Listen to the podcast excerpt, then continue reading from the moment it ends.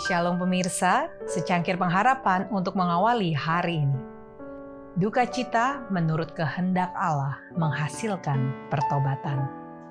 Sebab duka cita menurut kehendak Allah menghasilkan pertobatan yang membawa keselamatan dan yang tidak akan disesalkan.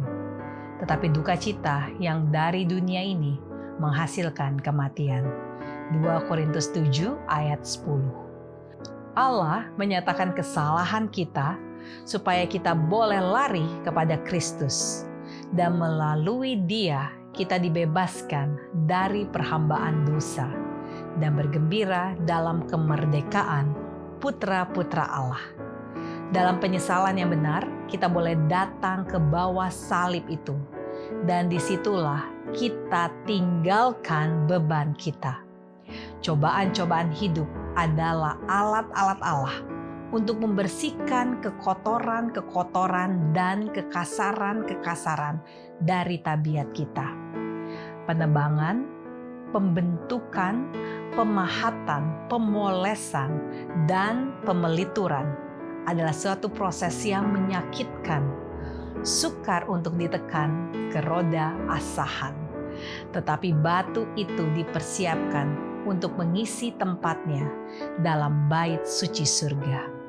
Kepada bahan yang tidak berguna, Tuhan tidak melakukan pekerjaan yang demikian hati-hati dan teliti. Hanya batu-batu berharganya yang dipoles agar dapat membentuk sebuah istana.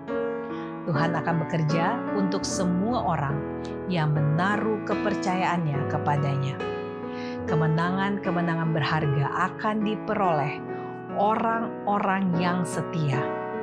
Pelajaran-pelajaran berharga akan dipelajari. Pengalaman-pengalaman berharga akan diperoleh.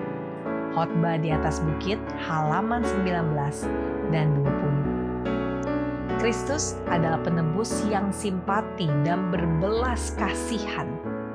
Dengan kekuatannya, ia menyanggupkan pria dan wanita menjadi kuat untuk melawan kejahatan.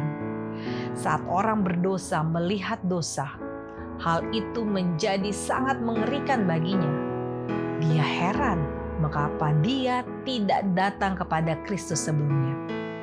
Dia melihat bahwa kesalahannya harus diatasi dan bahwa nafsu serta selera harus ditundukkan pada kehendak Allah, bahwa Dia harus mengambil bagian dalam kodrat ilahi setelah mengatasi kerusakan yang ada di dunia oleh hawa nafsu.